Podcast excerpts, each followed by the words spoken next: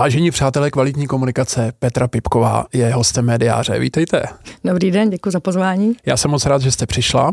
Eh, já na začátek jenom pro vás řeknu, že celý rozhovor, jako vždy, najdete na www.aust.cz, eh, vždycky už eh, ve středu a, jak jsem říkal, v plné verzi.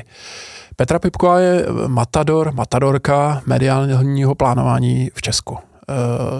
Říkám to správně, možná jsem ještě přemýšlel, jestli nemám říct rovnou současná první dáma vlastně mediálního plánování. Nejstarší rozhodně. Přemýšlel jsem vlastně, eh, kdo z vašich kolegyň Martina Říhová vlastně ta už přišla. Ta už zběhla k média, no. Plně na stranu médií, takže mm, ta je v podstatě spíš eh, na té druhé straně barikády. Eh, ke komu vy jste vzlížel, nebo koho vy máte jako z žen vlastně v tom oboru jako souputnici, Marně jsem vlastně přemýšlel, nepřišel jsem na žádný uh, podobně velký jméno, jako jste vy dvě. Mm, já myslím, že vlastně asi není žádná, protože historicky byli všude jenom muži. A myslím, že vlastně já jsem byla hrozný, po, vlastně po Juráňovi, že no, paní Juráňová z médií byla taková, jasně, jako bych řekla, ano, zakladatelka, to byla taková jako vlastně jediná žena přede mnou a od té doby vlastně jsem byla sama, si myslím, hodně dlouho, než vlastně potom Martina šla do Starkom, kam to šla do Mediavestu přesně. Ano, ano. A tak jsme byli dvě, no, jinak jsem byla, a Lucka Češpová samozřejmě v Dorlandu, ale jako jinak vlastně z médií jsem byla víceméně hrozně dlouho strašně sama, no. Osamělá. se, Mezi muži. No to je pravda, 20 let, eh, dvě dekády vlastně jste no, byla v, víc, no. v Mediakomu, mm, mm. jenom připomenu pak rok eh, vlastně v čele No Limits, mm pak jste si dala uh, pět let uh, oraz u, úplně něčeho jiného mm-hmm. a mhm. teď od Loňska jste zpátky uh, v, jako Chief Media Officer, jako šéfka McCann Media, uh, vlastně divize, nově založené divize, mm-hmm. uh, tenkrát um, ustavené uh, reklamní agentury McCann. Ale vy jste říkala, že už se to zase jmenuje jinak. Ne McCann Media, McCann Boost? McCann Media, nicméně máme ještě název Boost, který vlastně řekla, popisu to snažíme pro nabustovat ty kampaně klientů, aby vlastně byly unikátní, účinné, efektivní a fungovaly tak, jak mají. Takže takový jako boost tomu chceme přidat. Takže nám ty média přijde takový jako moc vymezující se na média, to není o médiích, ale je to vlastně o celé té komunikační škále a o celém tom portfoliu vlastně služeb, který Meken nabízí. A my to vlastně nabustujeme ještě na další level proč jste se vlastně vrátila do té mediální branže nebo do, no. k tomu mediálnímu plánování zpátky? Tak zaprvé už mi to trošinku chybilo po těch letech. Za druhé, já jsem vlastně celý ten můj odchod byl způsobený tím, že já nevím, jak mám daleko jít do hloubky a do, do historie. Kamkoliv, Takže vlastně zajímá. po těch 20 letech v té korporaci nebo 20 letech, což potom bylo poměrně náročné, jak psychicky, tak fyzicky, člověk tam opravdu byl nonstop a některá rozhodnutí akcionářů nebyla zcela eh, v souladu s mým mentálním přesvědčením, takže jsem se rozhodla, že pro No Limits, nebo že vlastně pomůžu založit No Limits a uděláme z toho takovou jako vlastně alternativu lokální hožraloka, který vlastně bude schopen nesvázaný korporátními nesmysly vlastně velmi nabídnout velmi efektivní a velmi kvalitní komunikaci klientům. No a pak jsem na nějaký zdravotní problémy a rodinný problém, jak jsem říkal, ne, už je na čase, asi opravdu to tělo už vyslalo signál, že 25 let v branži už je dlouho a že je potřeba si odrazit, takže jsem si opravdu jako stahla. Myslela jsem se vrátím trošku dřív, ale nějak to tím covidem se to trošku spozdilo, nicméně, takže po těch pěti jsem říkala, už je na čase jako začít znovu a vrátit se tam, kde jsem začínala, ale už jsem právě nechtěla žít agenturu, že jsem na to poměrně stará a říkala jsem si, že jsem to je mladší a jako tak akčnější, takže jsem hledala, nebo hledala, dostala jsem spoustu, docela hodně nabídek jsem dostala, ale vybrala jsem si právě Honcu Binara s Honzou Sudou, protože jsou pro mě taková srdcovka a je to taková hrozně pohodová práce a vlastně nemusím přijít týmy lidí nebo obrovský lidi, nemusím mít na starosti profity, šílenosti, co má každý CEO ve velké agentuře, takže to je pro mě taková vlastně jako dream, že se dá říct, že na stará kolena jsem si udělala takovou jako pohodičku trošku. No. nebo pohodička to úplně není, ale je to takový, má to menší omezení jiný než v minulosti. Cítím z toho, že jste si tam vlastně našla, jak to v té uh, další éře dělat, protože, jak jste říkala, i ten COVID byl vlastně výrazný mm, předěl, mm. Ale nejenom COVID, samozřejmě nástup digitálu a tak dále. Uh, to si ještě proberem. Vy jste říkal, že teď vás vlastně zlákali Honza Binar s mm, Honzou Sudou, Sudou no, no, no. se kterými už se spolupracujete právě v Mekenu, mm. ale pokud jste se pokud jste mi říkala tedy o budování vlastně No Limits, Jan Vidím junior, tam mm. hlavní postava. Ten mě taky zlákal tehdy, ano. a ten vás tedy odlákal te, tenkrát tenkrát v korporátu po těch dvou desítkách let uh, v Mediakomu? Tedy? Ano, to bylo takový spíš znechucení tou situací, že opravdu člověk, já jsem vždycky měla velmi dobrý vztah s klientama, moje síla vlastně komunikace s lidmi, vůbec vedení lidí a vlastně od nás se neodcházel z Mediakomu. To byla agentura vyhlášena na to, že jsme tam všichni jako společně něco vytvořili, byli jsme na to pišní a pro mě to byla srdcovka hrozná. Nicméně už to fakt nešlo, protože prostě WPP, nechci teda tady hanit jako teďka nějak konkurence nebo cokoliv, ale ta pravidla a to svazování už bylo vlastně proti, i proti klientům, i proti vlastně lidem v agenturách a já jsem už to prostě dál nechtěla dělat a proto vlastně mě Honza taky přemluval docela dlouho, jsme se o tom bavili poměrně dlouho. Já jsem tedy ještě vlastně oznámila v centrále, že chci do konkurence. Oni měli nějakou celou výjimku, že vlastně můžu pracovat pro média jako i pro konkurenci asi půl roku. Byly tam nějaký pravidla, takže to jsem dodržela, mm, oni taky. Hmm. A nicméně jsme se dohodli tom podání, předání vlastně kolegy Králíkovi a odchodu do No Limits postupně. No. Takže, a tam vlastně jsem to chtěla celé společně s mými kolegy, některými, které tam taky přišly se mnou, holky, holky moje, takže jsme tam začali to vlastně budovat znovu. Proč Nebo znovu ne, spíš to rozvíjet, to, co vlastně byl ten základ velmi dobrý už. A proč jste tam vlastně vydržela jenom rok? Protože právě pak tomu došly nějaké té eh, zdravotní a osobní jo, jo. problémy, jak jsem si říkal, opravdu to nemá cenu a dám si chvilku pauzu. A já jsem říkal, že se vrátím za chvilinku, nějak mi ta chvilinka se protahla, nicméně.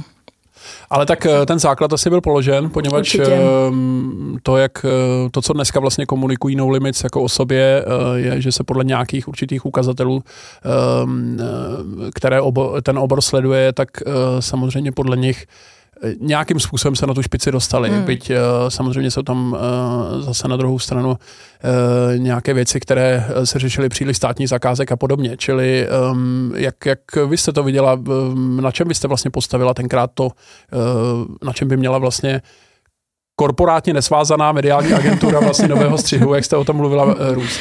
Rozumím, tak jak to myslíte, tak no. určitě ne. Spíš to bylo o tom, že vlastně No Limits byla malá agentura, která vlastně spíš se soustředila ten nákup, efektivní nákup, ale už tam nebyla ta kvalita v tom strategickém plánování. Takže ta strategie byla taková nechat jejich super nákupní podmínky a nad rámec toho postavit vlastně dobrý strategický tým, který je schopný konkurovat těm velkým agenturám, má prostě data, má nástroje a má super lidi.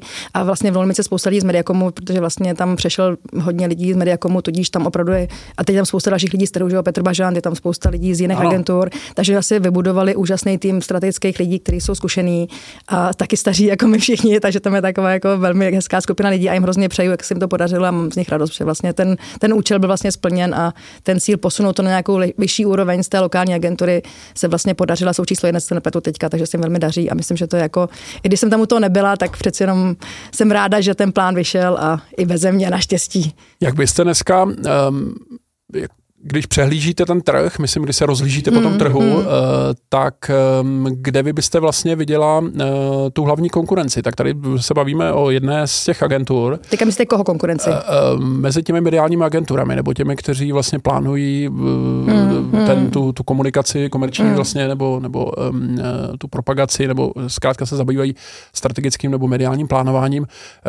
Kdo je pro vás ten benchmark? Jo, vy sedíte v Mekenu, eh, samozřejmě WPP, respektive Mediacom, taky, že jo, teď eh, mají za sebou nějakou fúzi novou a tak dále. Eh, samozřejmě se stěhovali se celý ten koncern WPP, sedí na, na Vltavské. Nové prostředí, také to asi je úplně něco jiného, než když vy jste tam ještě působila. Čili když se na to dneska podíváte, jak, jak, které ty týmy byste vypíchla? Já si myslím, že ta situace vlastně pořád stejně jako byla před těma pěti lety. Je to prostě potuzuje velké skupiny, pominuli médiu, která samozřejmě teďka má nějaké své starosti.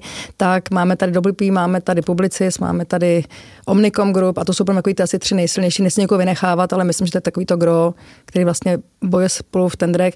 Máme výhodu, že vlastně my nenakupujeme média, my fakt děláme strategie, takže já vlastně konkurenci v chvilku ani nevnímám, protože pro nás je to o tom, že dáváme klientům jako nejlepší možný komunikační řešení z hlediska jeho cílu a vůbec trhu a cílových skupin. To znamená, že my opravdu nejsme mediální agentura, nebo ani nechceme víc, spíš jsme opravdu takový ten konzultant a strategický poradce těch klientů, kteří vlastně potřebují pomoc nebo kteří se někam potřebují tu značku posunout nebo vnímání a tak dále. Takže, takže pro mě vlastně to, ten trh je pořád stejný, jenom se přilínají lidi, klienti, ale každá agentura říká, jak je unikátní, všechny jsou stejný, no mají prostě jenom je to o lidech, pro mě vždycky to o mě u lidech bylo, takže si myslím, že všechny agentury mají stejná data, mají stejný nástroj, jen tomu říká jinak.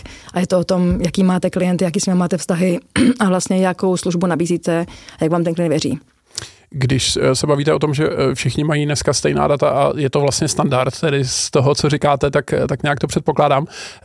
Vy jste vlastně relativně nedávno stála u vzniku asociace mediálních agentur, no, tehdy tenkrát ještě, eh, která samozřejmě měla za cíl právě si pohlídat to, eh, jaké ty mediální výzkumy, respektive která data eh, o konzumaci médií vlastně mají ty mediální agentury k dispozici, respektive agentury pak, které s tím pracují třeba i při tom strategickém plánování. Proč vlastně, jsem si říkal, tak pozdě, v roce 2015 vlastně mm. tady vznikla jako, ta asociace. A jsme teda, pardon. Ano, přesně. Mm, mm. Předtím to bylo před, pod asociací komunikačních mediálních agentur. Takže můžete se dotknout ještě trošku téhle geneze, protože vy jste hmm. vlastně byla tenkrát jedna z těch hlavních postav, třeba s Ondrou Novákem samozřejmě. Určitě, ještě. no. Ta geneze, já si to úplně nepamatuju, už je dávno pro no, mě, já no. zapomínám všechno. Nicméně, tam byl vlastně dlouhodobý problém, že AKA byla spíš kreativní agentury než mediální agentury. A my jsme vlastně potom cítili, že tam ta potřeba byla trošinku už se specifikovat a spíš se zaměřit na tu sekci těch právě dát a výzkumu, abychom vlastně byli schopni kontrolovat sami. A my jsme tam, myslím, řešili, tedy, aby to bylo jako transparentně účtované, aby bylo jasný, že každý platí za to, co má, a aby tam nebyly nějaké překryvy, kam jsme nechtěli. Takže i proto se vlastně udělala ASMEA. A vlastně spolu s Ondrou jsme to zavedli a začali jsme na tom pracovat tak, aby vlastně opravdu mediální agentury, že tam bylo obrovské miliony ročně se platili za data samozřejmě, tak abychom měli jistotu, že to platíme správně, ve správné výši a správným subjektům myšleno, aby každý subjekt zaplatil to, co má opravdu podle reálného třeba grpu a tak dále v televizi. Takže to byla spíš takové jako transparentnění a naprostá kontrola těch milionových eh, částek, které tam probíhaly původně přes AKA. A e, co se týče kvality vlastně těch dat nebo, nebo struktury těch výzkumů, změnilo se to e, nějak od té doby? Bylo by, nějak? bylo by fajn, kdyby se to změnilo, nicméně samozřejmě tendence tady jsou, ale samozřejmě pomenujeme deníčky, které byly v roce 94, když jsem nastoupila já, tak máme-li teda people metry, samozřejmě nějak se to průběžně snažíme se zlepšovat, ale ta situace, jaká je, nám chybí prostě spoustu dat, které bychom potřebovali, ať už měření online, televizní reklamy dohromady, jenom ten, to, co je teďka vlastně na primě. Takže uh, určitě se to nějak vylepšuje, ale pořád to není tam, kde by to mělo být, si myslím myslím. A i obecně ten princip nákupu tomu úplně neusnadňuje tu situaci, takže si myslím, že to bude ještě dlouho trvat, než bude mít jakoby světová, světové možnosti, jako jsou všude venku standardem, bych řekla. No. Čím to je? Malý trh? Je málo peněz na ty výzkumy? Já si myslím, že za prvý samozřejmě malý trh málo peněz, za druhý máme tady duopol, takže nikdo nemá úplně zájem, eh, bych řekla, dodávat nějaké třeba to, co mě třeba hrozně chybí, to bylo v Německu před 20 lety, že máte online people metry a můžete měnit kampaně. Tady se prostě objedná kampaň a tím to skončí. A předáte, podáte už s tím vlastně víceméně i se prostě nemůžete nic dělat, když to v Německu jim každý večer prostě přišlo online, co to splnilo a druhý den se s tím další nákupčí hráli a optimalizovali. Takže to je třeba věc, která mi tady hrozně chybí a která tady nebyla za dobu, co jsem na trhu a asi dlouho ještě nebude, protože samozřejmě ten nápor na lidi, na technologie, na, na práci a tak dále. Takže to jsou třeba věci, které by se mi líbily do budoucna, ale myslím, že to je tak jako ve fázi snění stále. No. A duopol myslíte teda Nová Prima? Jasně, jakoby, že vlastně tam vy nemáte dvě možnost... komerční přesně tak, přesně tak, že hmm. na, na Českou tam máme omezené samozřejmě vysílacím prostorem, takže je to takový spíš, že opravdu ten tlak tady není, protože není moc možností výběru. Eh, čili ten trh v Německu, který je eh, výrazně kompetitivnější, mm, je tam, je tam mnohem víc hráčů, tak ten umožňuje to, to že vlastně i, ty, i ta kvalita těch výzkumů, respektive ty, ty vlastnosti těch výzkumů, mm. ty možnosti jsou dál. Myslíte, že tady to není? Teda Nevím, tou fragmentací přímo, nebo jestli tím mm. trhem jako takovým, ale prostě u nás to vždycky bylo tak jako v tomhle trošku rigidnější než jinde, no, což mi přijde hrozná škoda. Takže. My jsme vždycky slýchali, že ty české výzkumy, české mediální výzkumy, ať už je to televize nebo tisk nebo, nebo rádio, eh, že jsou vlastně, a zejména teda samozřejmě eh, ta digitální média, dnes už tedy televize a online, že jsou vlastně celkem eh, vepředu ve srovnání Určitě jsou, jako z hlediska kvality si myslím a relevantnosti jsou vepředu, hmm. ale spíš to potom využívání už potom trošku jo. vázne proti světu. Jo, jo, jo. A e, tam vidíte teda hlavní e, důvod ten, že vlastně nejdou, e, ne, ne, ne, nebo nejsou ty možnosti tolik na straně vlastně toho výzkumu nebo zdroje těch dat, nebo toho, jak už se s tím potom Spíš pracuje? s tím potom pracuje, si myslím, nebo jak jo. vlastně nás nechají jako agentury s tím pracovat. Jo. Že opravdu ideální varianta je, objednáte si kampaň, v pondělí zjistíte, že vám to úplně neběží. Ano. Úterý se čtvrtek přebukujete, aby to měl lepší, ale to tady v Čechách nejde. A nikdy to nešlo. A nejde to ani na Slovensku, vlastně nejde to jako víceméně v našich zemích, to nejde téměř nikde, což je hrozná škoda. Že to je o tom, ta televize vlastně je, že aby člověk mohl optimalizovat průběžně kampaně, jak potřebuje. A ne, že objednáte dva měsíce dopředu, pomalu nebo měsíc dopředu, a pak se modlíte, aby se nezhoršilo počasí nebo nezlepšilo, aby zrovna se něco nestalo a vlastně vůbec netušíte, co vám ta kampaň udělá. Což si myslím, že není úplně pro agentury ani pro klienty optimální řešení. A to úzké hrdlo je kde? To já nevím, to by možná si pozvěte někoho tady z televizí a z kde vy, ho vidíte, kde vy ho vidíte ze své pozice? Já si myslím, že to je spíš asi v těch nákupních vlastně potom systémech, no, že opravdu ta televize vám neumožní si s tím hrát, že to je pro ní spousta práce a i pro ty agentury. Ono to vlastně takhle je pohodlný, ale není to úplně optimální z mého pohledu.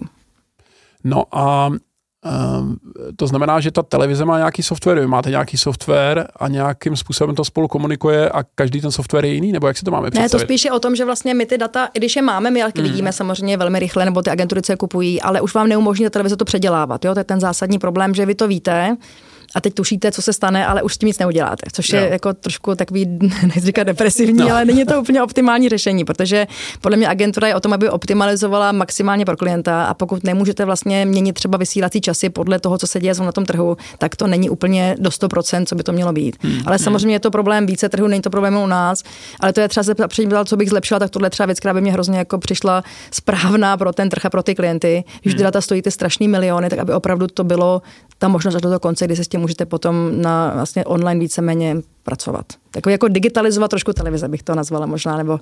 Rozum, rozumím tomu. Eh, když se vybíral, uh, ale ono to vlastně není, uh, z toho, co říkáte, tak to vlastně není ani předmět toho um, tendru vlastně na um, provozovatele vlastně toho mm, měření, mm. poněvadž vlastně to, to se týká, no jak říkáte, teda uh, další, další práce s tím. Uh, co se týče třeba měření internetu nebo práce s tím vlastně, jak to funguje na internetu, tak tam taky asi um, jsou dvě různá úplně prostředí takzvaný český internet, to znamená něco, co je měřené netmonitorem, měřením netmonitor, které tady provozuje Združení pro internetový mm, rozvoj mm. SPIR a něco, co je ta uh, bezbřehá krajina vlastně těch uh, zahraničních uh, globálních platform typu Google, Facebook mm, a podobně. Je to mm. tak?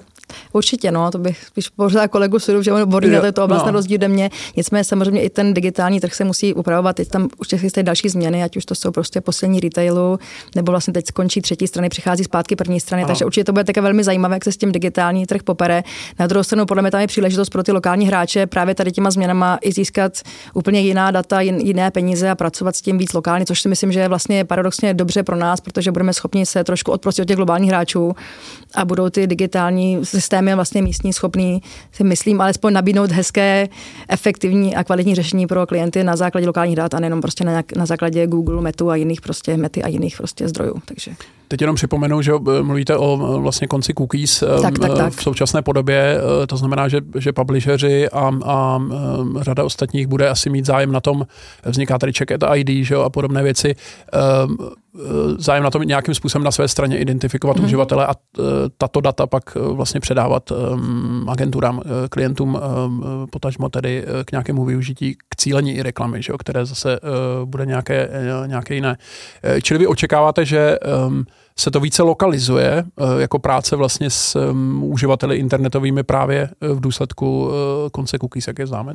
Já si myslím, že moc neočekává, spíš no. počkám, jak to dopadne. Nicméně jo. si myslím, ten prostor, nejasné, ten prostor tady bude no, no, a je otázka no. na tom, kdo ho využije. Takže buď to opravdu využijí a udělají z toho pozitiva pro sebe, anebo hmm. řeknou, je to problém, přijdou hmm. o peníze a je to hodně na těch vydatelích, si myslím, jako vlastně hmm. budou schopni to využívat. Protože hmm. právě budou jedni z mála, co budou mít data, hmm.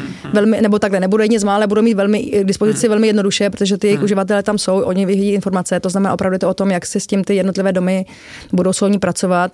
A ty tendence už tady jsou, spousta už o tom ví a už na tom pracuje, takže si myslím, že ten trh už se k tomu začíná jako o tom přemýšlet a vymýšlet alternativy, jak vlastně z toho maximalizovat zisky, nebo ani ne zisky, ale prostě objem, prostor a potom samozřejmě zisky pro, pro ty vydavatelství.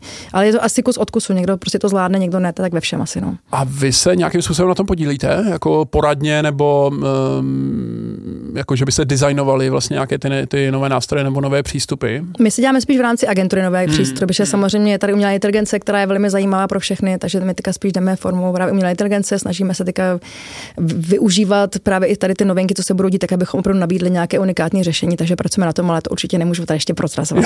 takže, ale rozhodně se tomu věnujeme intenzivně, máme na to týmy v agentuře a i náš pan ředitel je tím velmi, uh, velmi to má rád, takže tam ano, je, to je zajímavé. To je, to je pravda. Uh, pojďme ještě doťuknout ty mediální výzkumy. Mm-hmm. Máme tady samozřejmě, eh, řekl bych, rodinné stříbro, uh, opravdu tradiční věci, jako je Mediaprojekt a Radioprojekt. Mm-hmm. Uh, jak vy se na to díváte právě z pohledu toho strategického plánování nebo agenturní pohled, kdybyste měla nabídnout, tak tam tam je to opravdu uh, tradiční věc, abych tak řekl. Já bych to asi řekla taky tak, nechci samozřejmě něco někoho dotknout, ale myslím si, že doba už jsme v roce 2023 hmm. a že ten výzkum trošku jakoby zůstal někde před, uh, před pěti lety byl schodný jako teka, tak to řeknu, když jsem odcházela. Jo, jo. Uh, za mě je tam potřeba přidat víc toho marketingového know-how, který tam chybí, prostě, nebo je tam, ale není tam, je tam tak jako neúplně přístupné.